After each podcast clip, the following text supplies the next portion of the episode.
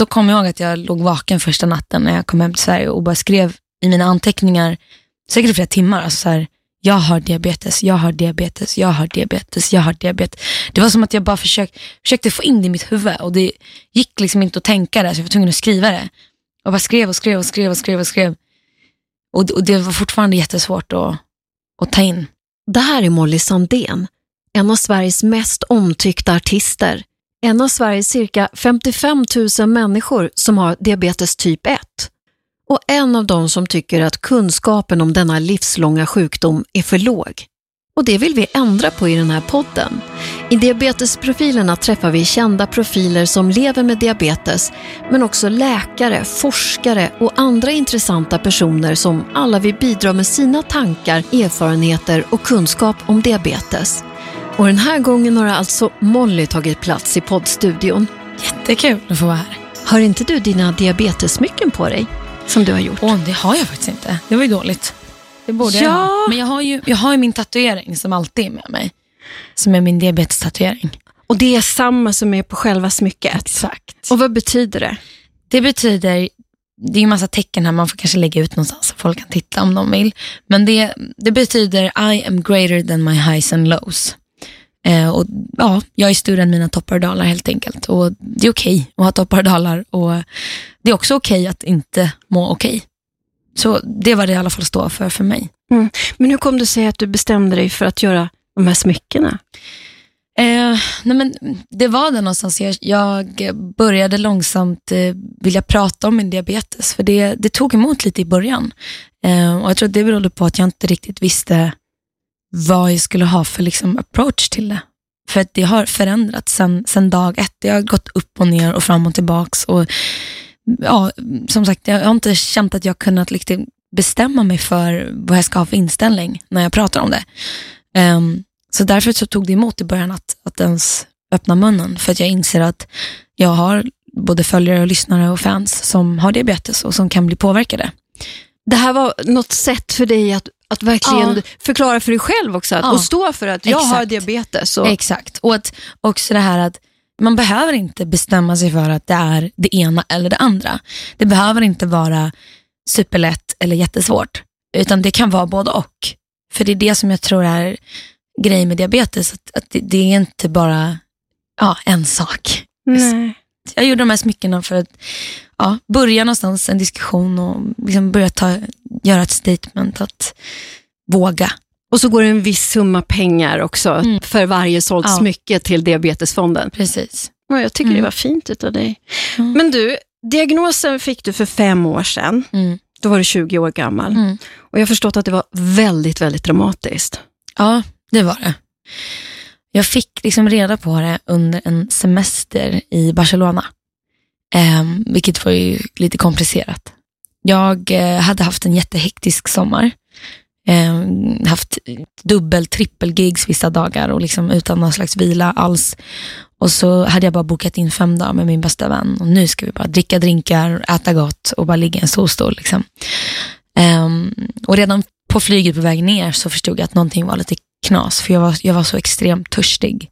Liksom aldrig känt den känslan. Att jag, det var som att jag, jag, kunde inte, jag kunde inte släcka törsten hur mycket jag än drack. Så det, det var som att det bara brann i halsen. Jag kan inte förklara det. Liksom, det var något helt absurt. Um, men så, så, jag tänkte kanske att det var någon sån här eftersläng av någon stress eller någon, att jag, jag vet inte, jag bara tänkte att jag var liksom lite ur balans eftersom jag inte tagit hand om mig så himla bra. Och sen jobbar du ju med rösten, så Ja. man tänker att det kanske hörde ihop med Precis, det. och, ja, eller att det liksom var någon slags, för det, det blir också så när man dricker liksom flera liter bara på en timme, så Gjorde jag också du på det? toa. Ja.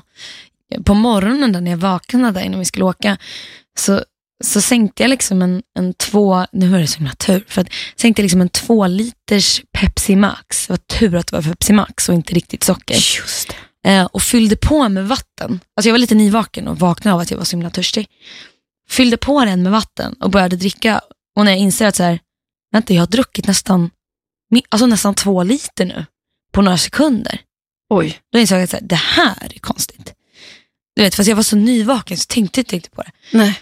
Eh, Jag fick ju ont i magen, liksom, det är mycket vatten på kort, eller då Pepsi Max, på kort stund. Um, men sen när vi kom fram då till Barcelona så, så googlade jag det. För jag gick ju på toa också som sagt. Jag tänkte det kanske är någon urinvägsinfektion eller något sånt där. Um, då googlade jag det. Törstig och kissa mycket. Och då kom ju diabetes upp överst. Men vad tänkte du då? då? Helt ärligt så tänkte jag, fan, inte nu. Uh, jag väntar med det här tills jag kommer hem. Så tänkte jag. Om jag nu ska ha det här hela livet, då kan jag vänta. Så tänkte jag. För jag, jag såg liksom framför mig att jag inte skulle få äta någonting och, och jag kände bara, det här orkar jag inte med nu. Jag skulle bara ta det lugnt och ha det mysigt. Så jag, jag, jag är jätteknäppt, men jag säger ingenting till min, min bästa vän. Jag mår ju bara sämre och sämre. Sa du ingenting? Nej, men jag, jo, men jag nämnde det lite, men jag, jag gjorde ingen grej av det. Nej. Säga, ja, jag kanske har diabetes. Um, så du googlade lite i hemlighet? Ja, ja precis. Låg och googlade i solstolen. Um, men sen blev jag ju sämre och sämre. Och jag sov 14 timmar två första nätterna och jag började se dåligt. och Jättetrött, liksom, ingen energi. Och så, så svimmade jag vid frukosten tredje dagen tror jag.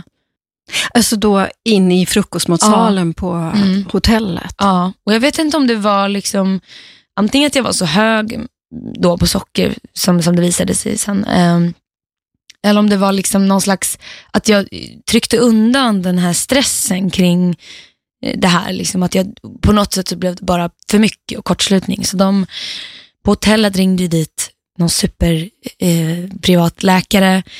För det var ett ganska fint hotell. Jag hade liksom lyxat på bra. Så de trodde nog att jag hade vilken budget som helst. För, för sen när de liksom ska börja skjutsa iväg mig till den här privatkliniken då, så började jag tänka på så här, men vad kostar det här? Jag fick något kontrakt, liksom, jag skulle skriva på, det skulle bli inlagd och det skulle kosta mycket som helst. Oh. Så min, min bästis fick liksom, vi smet från, från sjukhuset. Ja, det är faktiskt sant. Men vilken dubbel stress. Dels ja. så märker du att nej men jag är verkligen sjuk, ja. jag kan inte trycka bort det här nej. längre. Och sen också, vad kostar det här? Ja, det, jag tror, alltså, om jag minns rätt så var det liksom 10 000 euro om dagen och de ville lägga in mig i en vecka. Alltså på någon så här superprivat. Och jag, oh. jag kunde inte läsa för jag kunde inte se någonting. För det som hände då tredje dagen när jag vaknade var att alltså jag såg så suddigt så att det är som om du tittar jättemycket i kors. Alltså den, den, den oskärpan som blir. Det, jag kunde inte måla mascara för jag, jag såg inte mina egna ögon i spegeln. Liksom. Jag, kunde, jag såg bara att, att det var mörkt. Liksom. Um, oh, så, så, jag kunde inte läsa, ja, det, var, det var ju skitläskigt. Du vet när man försöker blinka bort morgon och, och det, det försvann inte. Det var, det var så otroligt otäckt. Uh, så det var ju min kompis som fick läsa och hon bara, 10 000, nej vi måste gå, men, men vi måste nästan, springa härifrån. Det är ju 100 000 ja. om dagen. Ja. Nej, men det, var, det var ju något helt sjukt. Och, och, och, och, jag sa ändå hela tiden så här, eh, jag vill bara testa mitt socker. Can, please just Because ja. I think it's diabetes. Please. Och han började ta alla möjliga olika tester och prover och kolla, men testade inte sockret. Nej. Så vi, men... fick, vi fick promenera och liksom, ja, jag kommer, det här är väldigt suddigt för mig för jag var så himla borta. Um, men vi fick liksom hitta till något vanligt sjukhus. Men, vadå, men du sa att ni smet ifrån sjukhuset? Ja, vi sprang, vi sprang därifrån. Så ni kom in dit? Vi kom in, ja, för ja. de skjutsade oss dit. Så fick vi sitta i någon väntsal och det var där någonstans vi fick det här pappret då som vi skulle skriva under. Och, och, och jag kunde ju som sagt inte läsa, jag satt och bara grät och såg ingenting. Och det var då min kompis bara, vi måste gå, vi måste gå nu. Så, oh, så vi började liksom, hon bara, nu går vi. Ja. Så vi började liksom småspringa mot utgången och de så ropade efter oss bara, excuse me, where are you going? Och vi så, ah, började kuta. Så det var jätte dramatiskt, liksom. jättedramatiskt. Men du mådde ju jättedåligt ja. och sen stod ni ute på gatan bara? Ja, typ. Men det var ju sån tur att jag hade henne. För utan henne hade jag inte klarat alltså jag, inte, jag vet inte vad som hade hänt. Jag hade satt mig ner och bara gråtit. Liksom. Jag, jag var helt så här, orkeslös. Jag kunde inte ta något beslut, jag kunde inte göra någonting. Det var som att bara hjärnan slutade fungera helt. Men vad gjorde ni då? Hon, hon fick in, hon hit, liksom, jag vet inte om vi liftade eller fick någon taxi, för det här sjukhuset låg en bit bort. Liksom. Men till slut till ett vanligt sjukhus som låg centralt. Och gick in på akuten där och ja, skrev in oss och sen fick vi vänta nio timmar för att få bara testa ett socker. Liksom. Och då få bekräftat att oj, det här, det är diabetes. Probably diabetes, sa de till mig. Liksom. Jag bara, mm, okej. Okay. Och så fick jag vänta någon timme till till att träffa en riktig läkare och ja, få beskedet och få mitt första liksom, paket, nybörjar startsättet med nålar och insulin och mätare. Och, det ja. var ju väldigt överväldigande. Nu hade ju du tänkt det här i ett par dygn sådär, ja. men vad tänkte du när det blev svart på vitt? När läkaren ja, sa det, till dig? Fortfarande så mådde jag så konstigt. Så allting var så svårt att greppa. Det var... Um, nej men det gick inte riktigt in. Även fast jag hann förbereda mig då två dagar på att det är kanske det här, så, så, så tror jag inte att det går riktigt att föreställa sig hur man ska leva med någonting för resten av sitt liv som inte har funnits där hittills. Det, det är så märkligt liksom att nej, det, det, det är en lång liksom, förnekelseprocess. Men hade du inte känt någon gång tidigare så här, det kom sådana små varningstecken som du förstod nu, aha, var det därför jag kände så för en månad nej, sedan? Nej, inte alls. Alltså. Det, var, det kom på två dagar, sen fick jag beskedet. Så det utan förvarning. Um, Sen var, sen var också, sen jag, flög, fick ju flyga hem då, morgonen därpå och direkt in på sjukhus liksom, och läggas in under helgen. Och då, här hemma i Sverige? Ja, här hemma i Sverige. Mm. Ja, de ville ha kvar mig där borta men jag kände att jag måste bara hem nu. Liksom. Det, var, det var någon som hjälpte mig, jag minns inte så mycket men, men jag hade turen att liksom bli inlagd direkt. Och ja, men du vet, Man blir väckt och tar kontroller under natten och se till så att allting hamnade, blev stabilt igen. Eh, men då, då kom jag ihåg att jag låg vaken första natten när jag kom hem till Sverige och bara skrev i mina anteckningar, säkert i flera timmar, alltså så här, jag har diabetes, jag har diabetes, jag har diabetes, jag har diabetes. Det var som att jag bara försök, försökte få in det i mitt huvud och det gick liksom inte att tänka det så jag var tvungen att skriva det. Och bara skrev och skrev och skrev och skrev och skrev. Och, och det var fortfarande jättesvårt att, att ta in. Den första reaktionen det var att det gick inte att förstå. Nej. Men det måste sen kommit någon punkt när mm. du förstod det. Ja, eh, jo men såklart. Det blev ju verkligt väldigt snabbt att nu ska du börja ta sprutor och tänka på vad du äter och räkna kolhydrater. Och man blev ju tvungen att direkt bara ta tag i det.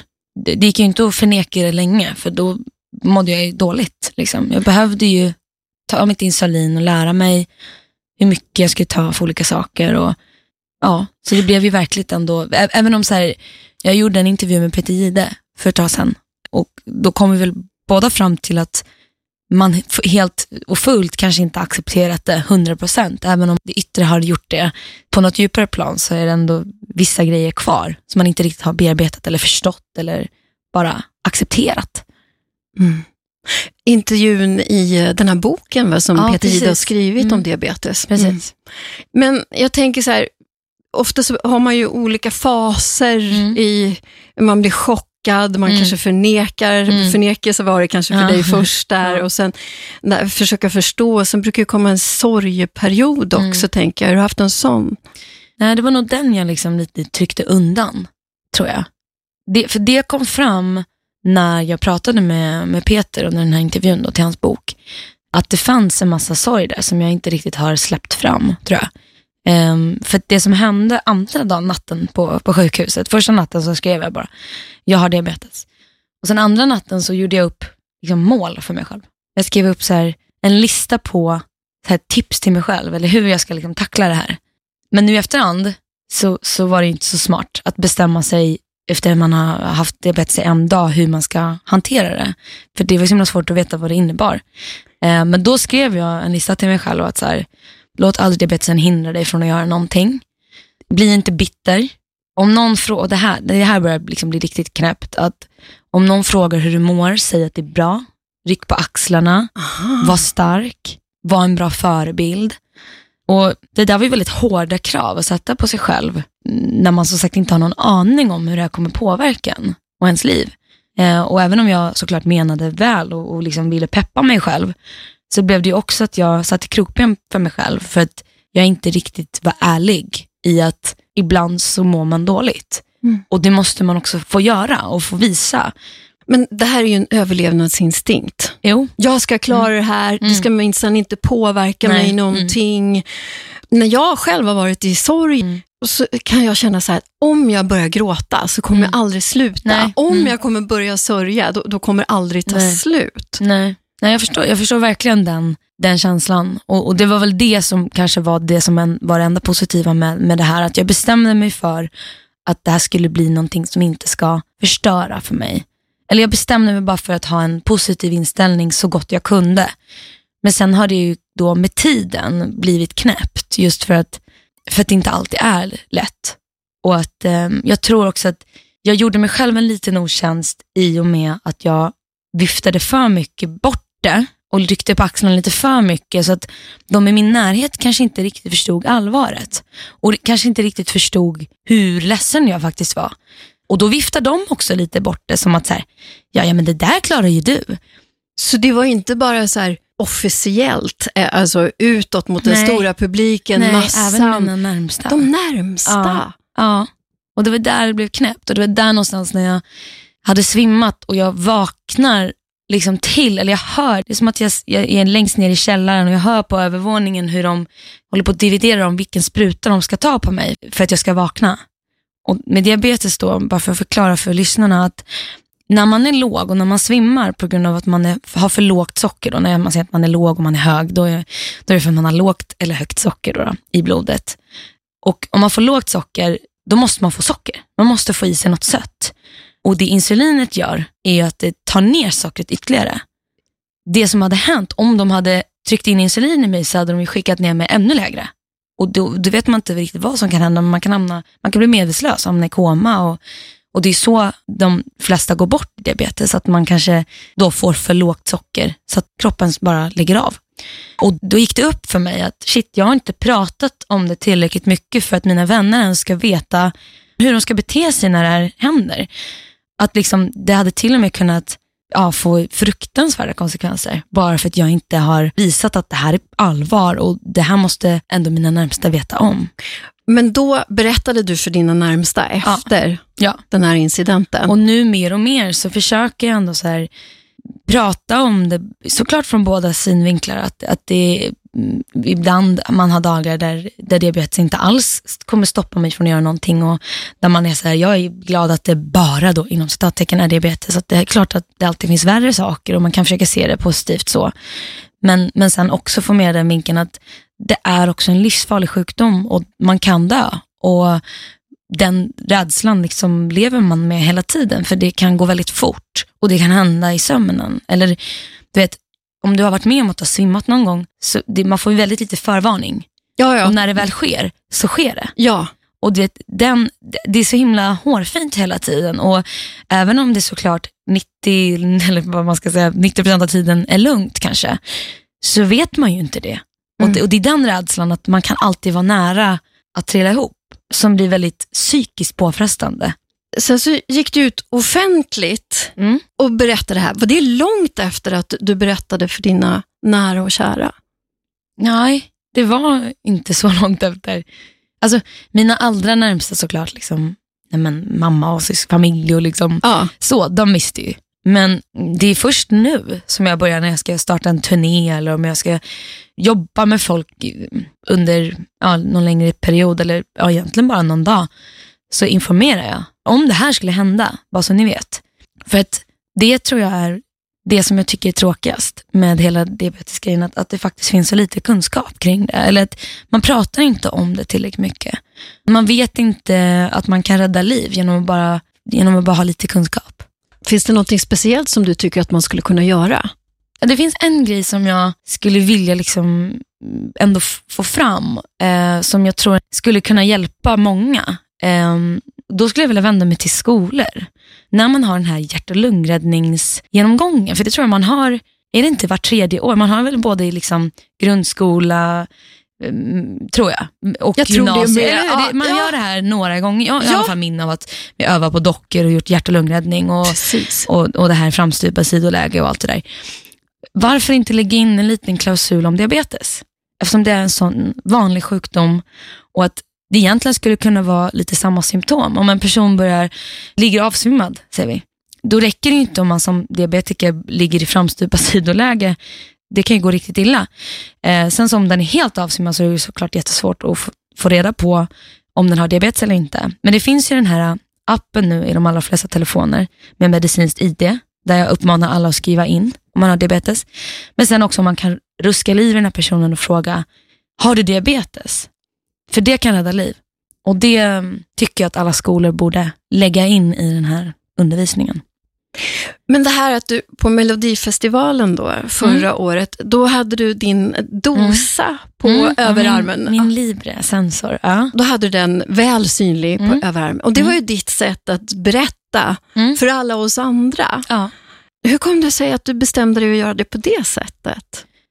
Eh, det vart egentligen, det blev bara av en, av en slump faktiskt. För jag, jag hade precis fått prova på den här Libre-sensorn i och med att jag besteg Kilimanjaro som var en extrem fysisk eh, på, påfrestning. Um, säger man så? Påfrestning? Ja, men det gör man väl? Gud, det, lät, det var bara så, känns konstigt när jag sa det. Nej, men det var ju väldigt påfrestande i alla fall. Uh, och då underlättade den väldigt mycket. Att kunna testa, att, det, det den gör då är att man, man kan blippa då med en liten apparat utanpå kläder. För att läsa av blodsockret och du ser om det är på väg upp eller ner. Vilket kan göra jättemycket skillnad om du har 8 CV-blodsocker. Om det är på väg upp så kanske du behöver ta lite insulin.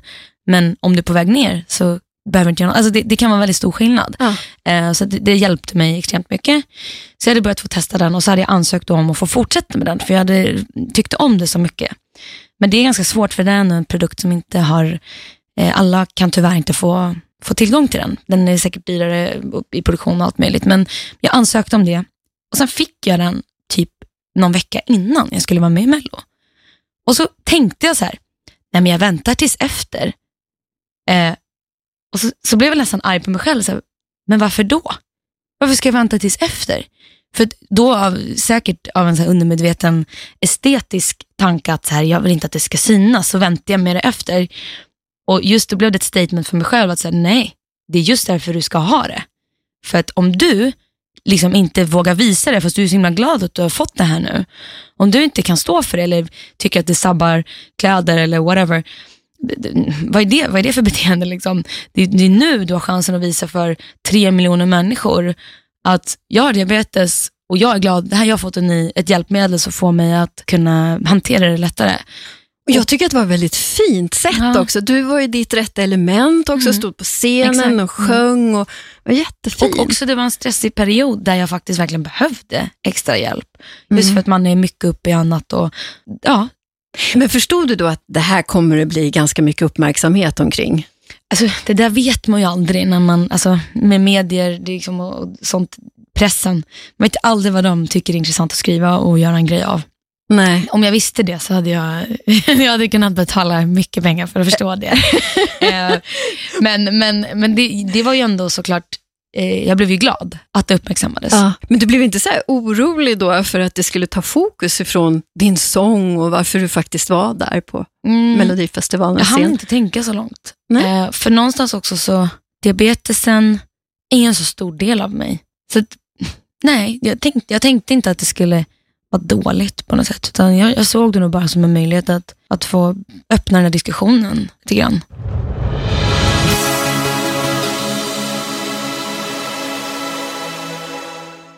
På vilket sätt tycker du att ditt liv har förändrats sedan du fick diabetes? Ja, jag skulle ju vilja svara ingenting, men, men det har det ju. Alltså det, jag försöker ju såklart att inte låta det påverka mig och att inte gå runt och vara rädd Eh, och, och, det lyckas jag med till stor del. Men, men det som är den absolut största skillnaden, det är att man måste typ vara lite mera, man måste planera saker och ting lite mer. Man kan inte vara riktigt lika avslappnad och bara manana manana, vi tar det sen, skitsamma, rycka alltså, jag, jag måste ständigt planera för att äta måste planera för att om jag dricker alkohol nu, då måste det här ske. Alltså man måste hela tiden ha kontroll. Jag kan inte tappa kontrollen helt. Även om jag försöker lära min, min pojkvän och, och, folk och de, många mer och mer visar intresse och, och faktiskt lär sig hur, hur, just jag funkar och vad jag behöver och ja, allt det där. Så, så är det ändå i slutändan bara jag som, som har kontrollen över min, mitt liv och min framtid. För det är också den här delen med diabetes att när du har för mycket höga värden, eller framförallt kanske att det är lite för instabilt och pendlar mycket upp och ner, men när du ligger högt för länge, det är ingenting du kanske riktigt mår dåligt av just i stunden, men du kan få komplikationer i framtiden. Och det där är lite som att, ja men säg att man har godislöfte, liksom. Du vet, fuskar man lite för sig själv, eller liksom, man vet att så här, jag borde inte, men ah, ibland så skiter man lite i det. Och det där blir läskigt för att det kan ha sådana nu jämför jag inte det för det, det, är, det är väldigt oskyldigt att käka lite godis då och då. Men, men just det här att hur mycket man släpper lite på kontrollen kan få komplikationer sen. Och det blir läskigt. Att det är ingen annan som vet och jag kan ljuga för de flesta om att nej men det är bra. Men de vet inte. Mm. Så då gäller det alltså att bli sann mot sig själv, ja. att inte hålla på och, äh, det gör väl inte fuska lite, för mycket. inte ja. fuska och ha mer kontroll över mm. sitt liv. Ja, och så räkna, alltså det är en ständig mattelektion. Du räknar ju kolhydrater hela tiden. Hela tiden för att kunna ta rätt. Jag har då ingen pump utan jag kör manuella sprutor. Så jag måste veta när jag tittar på vad jag ska äta. Och så måste jag bestämma om jag ska äta upp allt eller om jag ska äta halva. Eller för, och sen Vad svårt. Ja, det är väldigt mycket psykiskt, mycket huvudräkning. Jag tänker vi ska prata lite mer om mat ja. sen, men har sjukdomen förändrat ditt liv som artist? Um, in, ja, alltså, egentligen har jag inte låtit det göra det så mycket som jag kanske borde. Alltså, jag, jag borde kanske egentligen ha lite mer struktur än vad jag har. Men jag är inte jättestrukturerad i grunden som person. Eller vad man säger. Jag gillar att kunna vara lite spontan och inte ha fasta tider och rutiner och skjuta lite på det fram och tillbaks. Och det är också, den här branschen är ju väldigt oberäknelig. Du har inga fasta tider utan det är jätteolika periodvis. Men, men eh, ja, det som är skillnaden är väl att jag, när jag har långa konserter så har jag alltid, om det är en cola eller en juice, någonting sött, helst drickbart bakom scenen. Så att jag snabbt kan gå bak och ta två klunkar och gå tillbaks. Om jag skulle då få lågt blodsocker. Mm. Har du funderat på varför du fick diabetes? Ja, det, det tror jag är en ganska classic grej man gör under den här förnekelseperioden. Liksom att man ifrågasätter och varför fick just jag det? Men det hade man väl gjort oavsett vad det var. Och jag tror inte att det är hälsosamt. För att du kommer inte få något svar. Även om nu det är skillnad på typ 1 och 2 så är det inte säkert att, för typ 2 då sägs ju vara den här som man då kan påverka själv eller man har framkallat.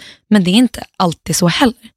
Det, det är om någonting jag verkligen vill, ett, kunskapen, att få ut, sprida den vidare, men också de här fördomarna kring att man ska ha varit delaktig i eller man får skilja sig själv lite om man har diabetes. Den fördomen vill jag ha bort. Och det vet inte ens läkarna. De kan inte ens säga så här, ja det är för att du har ätit för mycket glass eller det är för att det är genetiskt. De vet inte riktigt. Så därför skulle jag bara önska att alla där ute tog för givet att det inte var någonting som är självförvållat utan att det här det är ett litet lotteri. Liksom. Och men, jag hade otur, men tur med mycket annat. Så man försöka fokusera på det istället. Mm. Men du, det märks verkligen att du har funderat mm. mycket över alla de här frågorna ja. och tänkt kring det här jättemycket. Men jag har också förstått att du har varit väldigt, väldigt arg för just att människor tror mm. att det är ditt egna fel att mm. du har fått det här. Men på vilket sätt har du märkt att människor tänker så? Nej men Det, det syns hela tiden i så små, små grejer. Och egentligen så är det ju också såklart kanske lite töntigt av mig att vilja försvara mig. För egentligen spelar det väl ingen roll. Som att det, det är inte mer eller mindre synd om mig egentligen om jag har gjort, skapat det själv eller inte. Jag sitter ju ändå i den situationen. Och det är lite kanske barnsligt, bara, det var inte jag som gjorde det. Eh, men, men det är någonting, och det har jag upplevt också, jag har pratat med många andra diabetiker som upplever samma sak. Att man blir väldigt arg när någon indikerar eller till att vilja få det att verka som att det var mitt fel, eller vad man säger. Um, Va, vad var det du frågade? Vänta här, jag måste titta manuset. Uh. Jo, på vilket sätt du tycker att du har märkt att människor ja, tänker så här, det som ja, faktiskt men, gör dig arg? Jag menar att de, de kan säga rakt ut så här. Eh, gör de det? Ja, jag fick några sms du vet, i början när, när jag precis hade fått diabetes som vill kanske vara lite skämtsamma men var lite så här, ja det är ju garanterat all glass, all Ben Jerry som du har ätit. Du vet, och jag bara, mm, ah, ja, det, det, som sagt, det kanske var på skämt. Och liksom, men, men sådana där små lite pikar eller lite sånt kan man få. För jag är en person som också är öppet, liksom, gillar mat och framförallt liksom, godsaker och choklad. Och, men det är inte därför jag har diabetes. Och det, det blir bara tråkigt när folk indikerar. Men vad tycker du är de vanligaste fördomarna om diabetes? Mm, säga, den andra vanligaste man stöter på är väl det här, men du har ju diabetes, du kan ju inte äta socker. Ska du verkligen, ska du verkligen äta det där? Den här grejen. Så man blir så här, eh, för det första, det är socker i allt. Alltså allt. Det är socker i tomater och sallad. Alltså det, det är socker i allt, punkt. Liksom. Så att, att undvika socker helt, det är omöjligt idag, skulle jag säga. Nej, det är omöjligt, men nästintill. Då Mm. skulle man få ja, bygga sitt liv kring det. Liksom. Ehm, men just att så här, det, det handlar ju bara om att du ska ha koll på då hur mycket socker du äter i förhållande till hur mycket insulin du borde då ta. Alltså vad det kostar i insulin. Så egentligen jag skulle kunna trycka i mig två tårtor om dagen. Men jag måste veta hur mycket insulin jag ska ta då. För att inte få de här höga värdena. Och det är ju ganska svårt. Ju sötare saker man äter såklart, desto svårare blir det ju. Om man dricker cola till exempel, som är så otroligt sött. Så det är också svårt att veta hur många klunkar tog jag egentligen? Hur mycket fick jag i mig? Så du måste till och med räkna klunkar? Ja, men lite, jag gör inte. Men lite, jag, jag, jag undviker läsk, Ja. eh, kan jag säga. Men, men ibland, du vet, ibland så kanske man beställer en drink. Då får man liksom hålla lite bättre koll på vad som händer med sockret. Och då kan det sticka iväg väldigt lätt. Matlagningen Mm. hemma, så Mm. här, har den förändrats? Ja, gud ja. Alltså den, jag, förut så lagade jag inte mat alls. Men det, det har absolut kommit med diabetesen att, att jag läser mer om mat, jag, jag vill lära mig mer och nya recept. Man kan få saker och ting att smaka på ett visst sätt men utan att använda socker. Och, och också i och med att jag är vegetarian eh, så gott som. Jag ibland, väldigt, väldigt, väldigt sällan äter skaldjur och fisk. Men, men jag ser mig själv som en vegetarian. Um, och då också att kunna anpassa maten efter det. Um, och jag också, gud, jag är också lite glutenkänslig och laktoskänslig och allt möjligt. Så jag försöker så här, hitta vägar, hur ska det här kunna funka för mig? Liksom? Och då, då är det ju det lättaste att laga egen mat och då har det blivit faktiskt en liten hobby. Ja, Mm. så nu så har du blivit Ja. så här Ja. mästerkock. Jag har gått från att inte ens kunna liksom, göra äggröra till att eh, köra värsta, nu, nu ska jag inte skryta här, men Jo, varför inte? värsta festmåltiderna. Ja, vad är favoriträtten att laga? Oj, ehm, alltså jag gillar ju lite man- när det är mycket röror och sånt där. Mycket Mm. olika smaker, alltså lite meze-aktigt. Mm. Ja, men, ehm, ja, du vet massa olika, men både grönsaker och liksom hummus och allt möjligt. Sånt gillar jag. Ja, det låter ju jättegott. Ja. Men sen när du går på restaurang då, är det så att du går ut i köket eller kollar Nej. allting så här vad det är? gud, nej, nej det gör jag verkligen inte. Det, nej, det, det ska jag inte göra.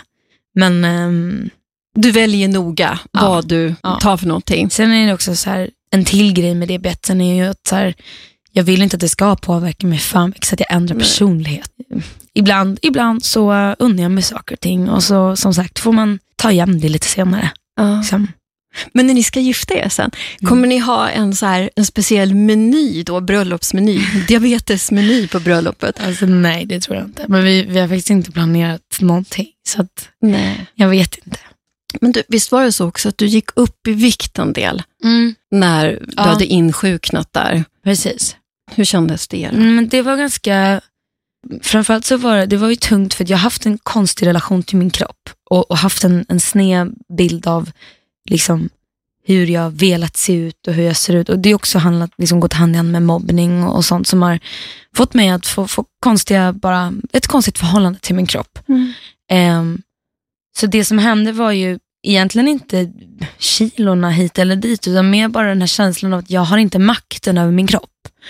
Vad jag än gjorde så var det ingenting som funkade och den, den hjälplösheten kändes väldigt jobbig och den tror jag man kan uppleva oavsett om det är upp eller ner. Liksom, jag, jag har ju pratat mer ur den vinkeln som jag har upplevt mest och jobbigast då att jag ja, har gått upp i vikt och det har varit jobbigt. Men alltså, jag har ju pratat med många andra som har samma problem åt andra hållet. Och Det är ändå viktigt för mig att säga att det är inget fel med att gå upp i vikt. Jag vill inte säga det. Eh, men jag, jag tog det väldigt hårt för att jag hade också köpt kläder till en julturné. Och det gick väldigt fort. Alltså det var på en månad så gick jag upp 10 kilo. En och en halv månad, två månader nästan då. Jag kommer hem från LA och ska liksom prova de här kläderna igen som jag har köpt. Ja. Och så är det inte ens nära att jag får på mig dem. Och det har varit så en chock. Men det tror jag att vem som helst kan Ja. relatera till. Just det här, när kläderna, och det kan Ja. faktiskt vara en sån där liten sak. Ja. Jag väger inte så mycket, om jag går upp ett Mm. kilo, så bara det pyttelilla märks ju Ja. på, på jeansen. Det är Ja. ingen annan som ser det, men det, är känns liksom, det typ, man känner sig lite ja. obekväm just för man bara, åh. Och det är ju Ja. likadant åt andra Exakt. hållet. Om, om kläderna helt plötsligt eh, sitter stora. säckigt. Mm. Mm. Ja, Ja, men så Ja. det var klart att det blev en, eh, också en jobbig konsekvens av allt det här, liksom, som redan var ganska svårt att anpassa sig efter. Men hur gjorde du då för att komma ur det? Ja, nej, men det var, jag försökte då, jag försökte gå på olika dieter och, och detoxer och allt möjligt. Och det var ingenting som funkade, alltså det gjorde mig bara ännu mer olycklig. Eh, tills min läkare sa åt mig att så här, håll inte på att mixtra för mycket nu, för din kropp har redan gått igenom en, en stor chock. Och det kan också vara just därför som du verkligen inte kan gå tillbaka de här kilorna. Du måste ge det lite tid. Och lägg inte för mycket ångest kring det, för jag tror att det också handlar mycket om vad man faktiskt är undermedvetet meddelar kroppen. Eh, skicka för signaler. Om du hela tiden har en massa ångest kring vad du äter och tänker på det så, så tror jag att det oftast kan gå åt det motsatta hållet av det du vill. Om du Just det, ja. Det connectas med hur du tänker, tror jag. Mm. Så då, till slut, jag, ett halvår försökte jag gå ner de här 10 kilorna och ingenting funkade.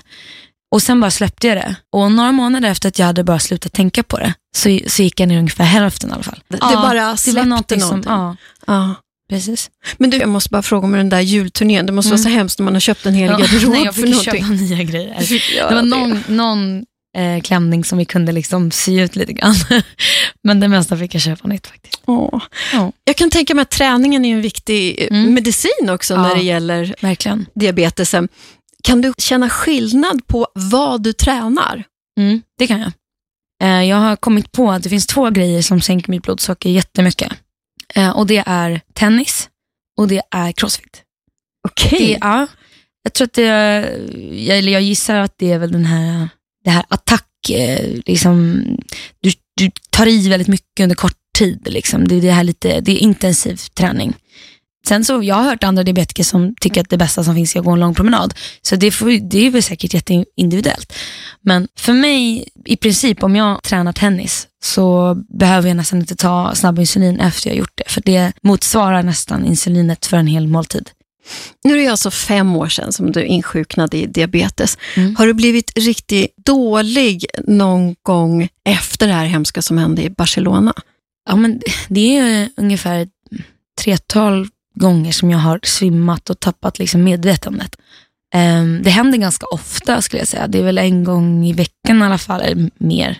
Två gånger i veckan kanske som jag blir så pass låg att det blir riktigt, riktigt obehagligt och man sitter och nästan blir helt likgiltig och kan inte i princip röra sig eller prata. Men, men just det här att man svimmar till verkligen och försvinner, det har bara hänt eh, tre gånger sen jag fick det. Och det var två av de gångerna som jag lyckades väsa fram socker, socker, när de, när de dividerade om de skulle ta en spruta eller inte. Men sen det som är med just de här låga värdena är att eh, det går ju fort över. Alltså så fort du får i dig socker så, för mig i alla fall, tar det typ en kvart innan jag är tillbaka. Och då är det som att så här, vad hände? Alltså som att man har tagit en tupplur, alltså bara en sån snabb nap och vaknat till och bara, Va? varför ser alla så oroliga ut? Så, så det går ganska fort upp. Så det är ju inte att jag har gått några längre perioder. Det är kanske snarare när jag har tränat väldigt mycket och kört en hård, jag gjorde en juice eh, detox, vilket jag inte rekommenderar som diabetiker. För det var väldigt, väldigt svårt eftersom juicer är mycket socker med väldigt lite fibrer och, och sånt som ska liksom släppa ut socker under, under tiden. Så det blev väldigt höga värden och så sjönk jag direkt. Så då, det fick jag sluta med efter två dagar, tre dagar. Jag mådde för dåligt. Liksom. Jag blev låg hela tiden. Och hög och låg, hög och låg. Livslängden fortsätter ju att öka, tack Mm. och lov. Mm. Men fem personer dör varje dag i Sverige som en direkt följd av Mm. diabetesen. Och jag vet att du har skrivit på Instagram att du är rädd för ditt liv varje dag. Mm. Är du det? Ja, alltså det låter ju väldigt dramatiskt. Ehm, och det är klart jag inte går runt och är så här, ah, nej det är inte så jag går runt hela tiden varje dag. Men det är i alla fall någon gång om dagen som man får den här oroskänslan. Och just som jag förklarade lite innan, att precis lika lite som du kan förbereda dig för en hjärtattack eller för att man svimmar, du får ganska kort förvarning. Och du vet inte hur din kropp kommer bete sig i, under den här lilla perioden från det att okej nu kommer jag svimma till att du faktiskt gör det. Så, så du har väldigt svårt att förbereda dig eller kunna informera folk. Nu börjar jag socker. Alltså, eller liksom, eh, och, så den sköra, liksom, tunna tråden, det är det som är det läskiga. Att det kan gå så himla fort. Det kan vara att jag egentligen bara tar fel värde eller, eller råkar ta insulinet två gånger. Det, det där är en sån här grej, låste jag dörren? Stängde jag av spisen? Man gör konstiga grejer när man är kanske under stress. Eller också sen när det är rutinsaker som du börjar göra så ofta. Mm. Men går du och tänker på det? Alltså? ja, nej, hur och då var det nu? ja, Gjorde jag det här? exakt. Inte? Och då blir det en stress att så här, vänta, tog jag, tog jag sprutan? Eller hade jag, vänta nu, för då, det kan ju bli jätteavgörande om jag ska gå och lägga mig och så har jag ätit en macka säger vi och så tar jag insulin för den mackan. Men skulle jag ta dubbelt så kanske under natten skulle jag kunna bli jättelåg. Mm. Men är det någonting speciellt som du är rädd ska hända dig? Ja, men det, det jag se under natten, vad som händer när man sover. Mm. Eh, jag har oftast liksom, turen att vakna av att jag blir låg. Men ibland så gör jag inte det. Och då när jag vaknar är jag så låg så att jag knappt orkar gå från sovrummet till köket och hämta någonting. Oftast nu så har jag ju någonting vid sängen då, då såklart. Men du vet, det är lätt hänt att det tar slut och så glömmer man fylla på Dextrosol eller vad det nu kan vara man har. Och det är bara en sån liten grej som skulle kunna vara livsavgörande. Så du är alltid på din vakt, till och med när du ska Ja. sova? Ja, det, ja, det måste jag ändå erkänna. Jag har hört många prata om det här med vikten utav att de anhöriga Mm. känner till och vet hur det Mm. är. Och från början då så berättar du ju att du inte berättade ens Nej. en gång för de närmsta. Men jag har hört att din fästman Danny är väldigt engagerad i din Mm. diabetes, att han har meddiabetes. Mm, det har han verkligen. På vilket sätt? Nej men han, ibland tar det nästan på större allvar än vad jag själv gör. Eh, vilket känns ju väldigt, väldigt tryggt. Och det är väldigt fint av honom. Det uppmanar jag alla partners där ute att faktiskt göra för varandra. Det är väldigt skönt att veta att det finns någon där som, eh, som tänker också. Och som om jag skulle vara lite för full eller lite jag vet inte, om jag skulle råka somna i soffan så finns det någon som tar tag i att nu ska du ha nattsprutan. Liksom. Det är väldigt fint. Det är jättefint, det är Mm. kärlek. Det är kärlek det. Ja. Mm. Tusen tack för att du kom och berättade Molly. Tack för att ni har den här podden och tack för att ni uppmärksammar diabetes. Det behövs.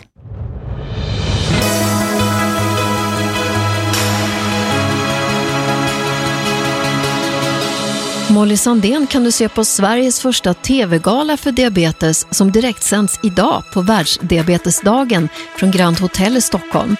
Galan kommer visas klockan 20 i TV3. Du kan se den på Via Free och Via Play. Du kan också se Molly i dokumentären Leva utan att dö på Via Free och Via Play. I Diabetesprofilerna nästa tisdag träffar vi en intressant person som forskar om diabetes. Hoppas vi hörs då. produceras av I Like Radio. I like radio.